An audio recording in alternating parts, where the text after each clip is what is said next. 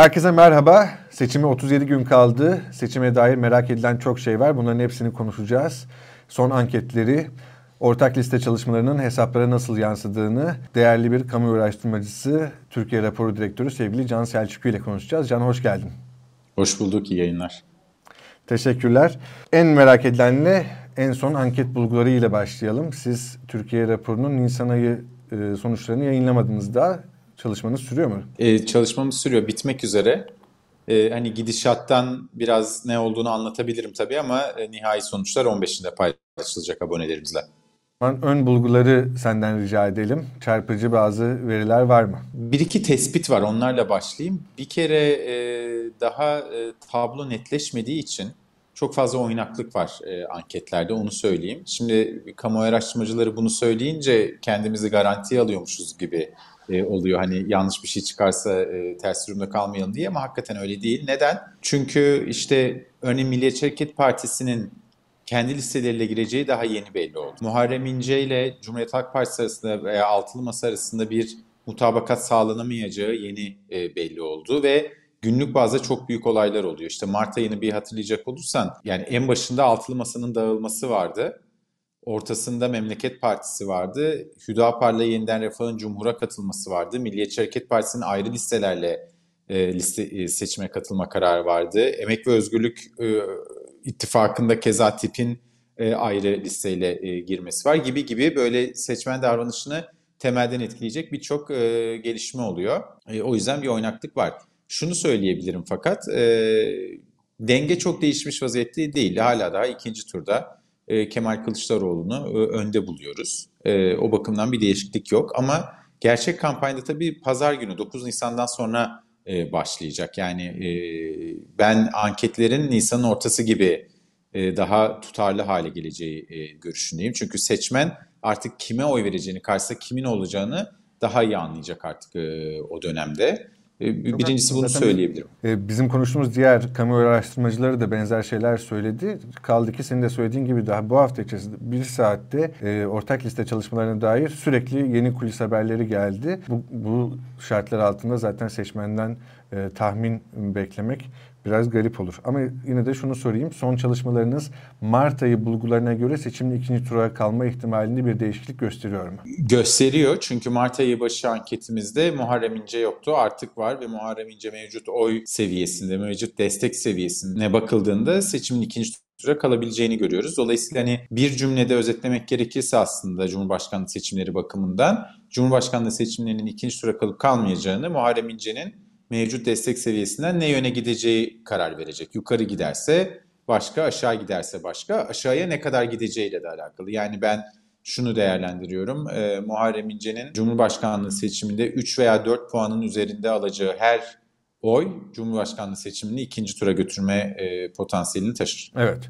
E, Birçok tahmin bu yönde ama senin de söylediğin gibi belki Nisan ortası ve sonuna doğru 3-4 puan sınırının altına düşme ihtimali var Memleket Partisi ve Muharrem İnce'nin oylarının bu durumda e, tekrar zaten tabloya bakmak gerekecek. Şunu merak ediyorum bu ortak liste tartışmalarına geçmeden önce bildiğim kadarıyla siz bir de gençlerle, genç seçmenler üzerine evet. bir çalışma yapıyorsunuz. O çalışma tamamlandı mı ya da varsa ön bulgularınız nelerdir bununla ilgili? Tabii yakın zamanda iki tane e, araştırma yaptık. Bir tanesi daha limitliydi, bir tanesi çok daha geniş. E, limitli olandan yola çıkarak şunu söyleyeyim. Gençlerin yani 18-30 yaş arası seçmenin %87 seçime katılacağını gösteriyor. Dolayısıyla gençlerin e, siyasete ilgisiz olduğunu, apolitik olduğunu düşünenler e, bu görüşlerini revize etmeliler bence. Dolayısıyla kesinlikle öyle bir durum yok. E, seçime katılacaklar. %87 ülke ortalamasının da üzerinde bir e, katılım oranı. Tabi bu, yani bu seviyede gerçekleşmeyebilir ama gençler tarafında seçime çok yoğun bir ilgi olduğunu söylemek mümkün. Yakın zamanda bugün ve dün iki e, anket şirketi seçime katılım oranı hakkında iki bulgu paylaştı. Tüm seçimlerin üzerinde bir e, katılım ihtimalinden bahsediliyor. Sizde böyle bir veri var mı ya da tahminin var mı bu yönde? Ya bu yönde şimdi gençler tarafında böyle bir rakam var da bu yönde çok emin değilim açıkçası. Neden? Çünkü ekonomik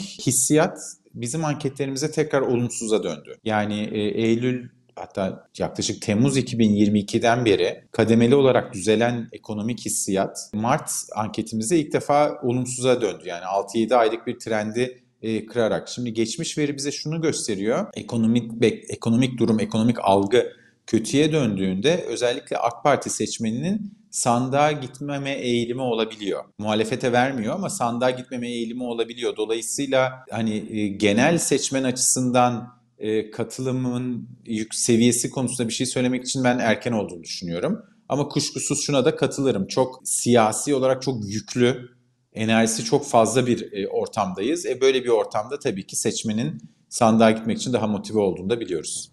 Evet yani çok uzun zamandır hayati bir seçim, Türkiye'nin kaderi belli olacak falan diye pompalanan bir seçim olduğu için de tabii ki e, katılım oranını etkileyebilir. Peki gelelim istersen e, bu liste çalışmalarına, milletvekili listeleri tartışmalarına. Şimdi yaklaşık bir sene önce seçim kanunu değiştikten bir süre sonra seninle görüştüğümüzde şunu konuşmuştuk hatırlıyorum. Ee, iktidar iyi bir çalışma yürütmüş, ee, Millet İttifakı'nı zora sokacak, kendi lehlerine olabilecek bir e, karmaşık bir formül icat etmiş demiştik. Ama gel zaman git zaman bu bir sene içerisinde çok şey yaşandı. İşler de Cumhur İttifakı'nın pek istediği gibi sonuçlanmıyor gibi gözüküyor. Evet. E, çünkü ortak liste olayını beceremediler. Millet e, Milliyetçi Hareket Partisi kendi listesiyle girecek. Yüksek Seçim Kurulu'na da teslim etti listesini. Öte yandan da Millet İttifakı maksimum işbirliği yapacak şekilde ummalı bir çalışma özellikle son hafta hızlandırdı. Görünen o ki İyi Parti dışındaki 5 parti CHP listesinden girecek. İyi Parti ise İyi Parti ile CHP'de sayısı belli olmayan 10 ila 15 il gibi bir ilde e, fermuar usulüyle ortak listeye girecek. Yani optimum hibrit model üzerinde e, bir çalışma yaptılar. Katılır mısın? Yani en sonunda e, iktidarın yaptığı seçim kanunu değişikliği Millet İttifakı'nın lehine bir şekilde kullanılacak ve Cumhur İttifakı istediği avantajı yakalayamayacak olabilir mi? E, olabilir. Nedenini de şu şekilde açıklamak lazım. Seçim kanunu değiştirildiğindeki Cumhur İttifakı ile bugünkü Cumhur İttifakı arasında çok büyük bir fark var. Seçim kanunu ilk değiştiğinde altılı masa, henüz Millet İttifakı demiyorduk o zamanlar ama Millet İttifakı çok daha parçalı bir yapıyı temsil ederken Cumhur İttifakı çok daha bütünleşmiş, homojen bir yapıyı temsil ediyor gibi gözüküyordu. Dolayısıyla o vakitte yaptığımız yorumlarda Cumhur İttifakı'nın yeni seçim kanununun getirdiği milletvekili dağıtım kuralları çerçevesinde daha rahat bir araya gelebileceğini düşünüyorduk. Fakat zaman içerisinde, zaman içerisinde dediğimde son bir buçuk ayda, bir ayda Cumhur İttifakı da çok parçalı bir yapıya kavuştu. Büyük Birlik, Birlik pardon, Büyük Birlik Partisi, e, Yeniden Refah, Hüdapar'ın gelmesiyle orası da beş partilik bir yapıya kavuştu. Her ne kadar Hüdapar e, evet e, ittifakın resmi bir üyesi olmasa da sonuç itibariyle AK Parti'nin listelerinden milletvekili adayı göstereceklerini görüyoruz. Şimdi böyle olduğu için normalde Millet İttifakı'nın altılı yapısından dolayı dezavantaj yaratacağını düşündüğümüz durum Cumhur İttifakı için de e, geçerli oldu. Ve üstelik Altılı Masa yaklaşık bir buçuk iki yıllık bir beraberliğin sonunda bu ortak listeleri yapma aşamasına gelirken Cumhur İttifakı son bir buçuk ayda bu konuşmanın içerisine, bu tartışmanın içerisine girdi. E, öyle olunca da arzu edilen sonuç ortaya çıkmadı gibi gözüküyor. Ben Milliyetçi Hareket Partisi'nin bu hamlesiyle yani ayrı ittifak içerisinde kalarak ayrı liste çıkartma hamlesiyle kendi oylarını, kendi oy yüzdesini artırma potansiyeline sahip olduğunu düşünüyorum. Ve fakat bununla beraber e, Cumhur İttifakı'nın en fazla e, oy çıkartabileceği milletvekili sayısından da daha düşük bir sayıya ulaşmasına neden olacaktır. Peki bazı simülasyonlar bu son 5 partinin CHP listesinden girmesi ve İyi Parti ile yapılacak ortak liste çalışmaları sonucunda milletvekili sayısının 14 ila 28 kadar artabileceğini öngörüyor. Sizin böyle bir simülasyon çalışmanız var mı ya da senin kişisel tahminin var mıdır? Yok. E, bir kere illeri bilmiyorum açıkçası. Yani hani simülasyonları yapanlar e, hangi illerde kimin listesi altından ortaklaşıldığını e, biliyor olmalılar. Birincisi bunu bilmiyoruz. İkincisi şunu ölçme şansımız yok. Yani diyelim ki bir ilde İyi Parti altından girdiniz. Cumhuriyet Halk o ilde o seçim bölgesinde Cumhuriyet Halk Partili seçmenin İyi Parti listesine ne kadar eğilim göstereceğini bilmiyoruz. Tam tersi de e, geçerli. Keza Gelecek Deva, Saadet ve Demokrat Parti'nin seçmenin e, Cumhuriyet Halk Parti listelerine kendi partilerin adayları o listede diye e, oy verme e, eğilimini e, bilmiyoruz. Daha bunları ölçme şansımız e, olmadı. Ancak önümüzdeki hafta e, bunları ölçmeye şansımız var. Bundan önce soruyorduk ama çok farazi durumlardı açıkçası, senaryolardı. E, bundan dolayı ben simülasyonların evet bir aralık verebilir. Yani hani şu kadarla şu kadar arasında milletvekili çıkartılabilir gibi bir takım aralıklar verebilir ama onun ötesinde e, simülasyonlarla çok net konuşulamaz şu anda o fikirdeyim. Şu an konuşmak için erken anladığım Evet. kadarıyla. Elimizde yeterli bilgi yok çünkü. Peki teşekkür ederim. Ee, Emek ve Özgürlük İttifakı tarafına da bir bakalım istiyorum. Ee, çünkü orada da bir tartışma var. Malum tip önceden hibrit modelle girmeyi istiyor, savunuyordu. Sonra bu konuda bir e, uzlaşı sağlanamadı. Tip kendi listesiyle girecek ama bu da Emek ve Özgürlük İttifakı içerisinde bir tartışmaya Yeşil Sol Parti HDP cephesinin bir serzenişine e, deyim yerindeyse neden oldu.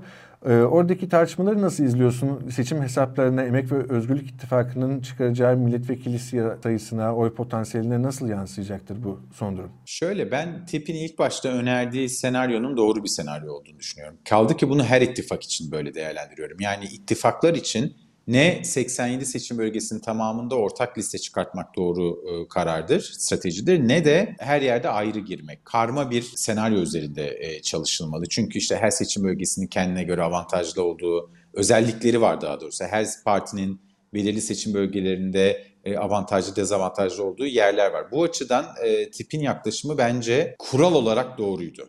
Ha, neden anlaşamadılar bilemiyorum. Her ittifakın büyük ve küçük partileri var. Onların dinamikleri, dengeleri var. Şimdi geldiğimiz yerde tip şunu söylüyor aslında. Diyor ki bazı seçim bölgelerinde diyor bize oy vermek isteyen ve fakat e, HDP'ye, Yeşil Sol'a oy vermekten imtina edecek bir seçmen grubu var.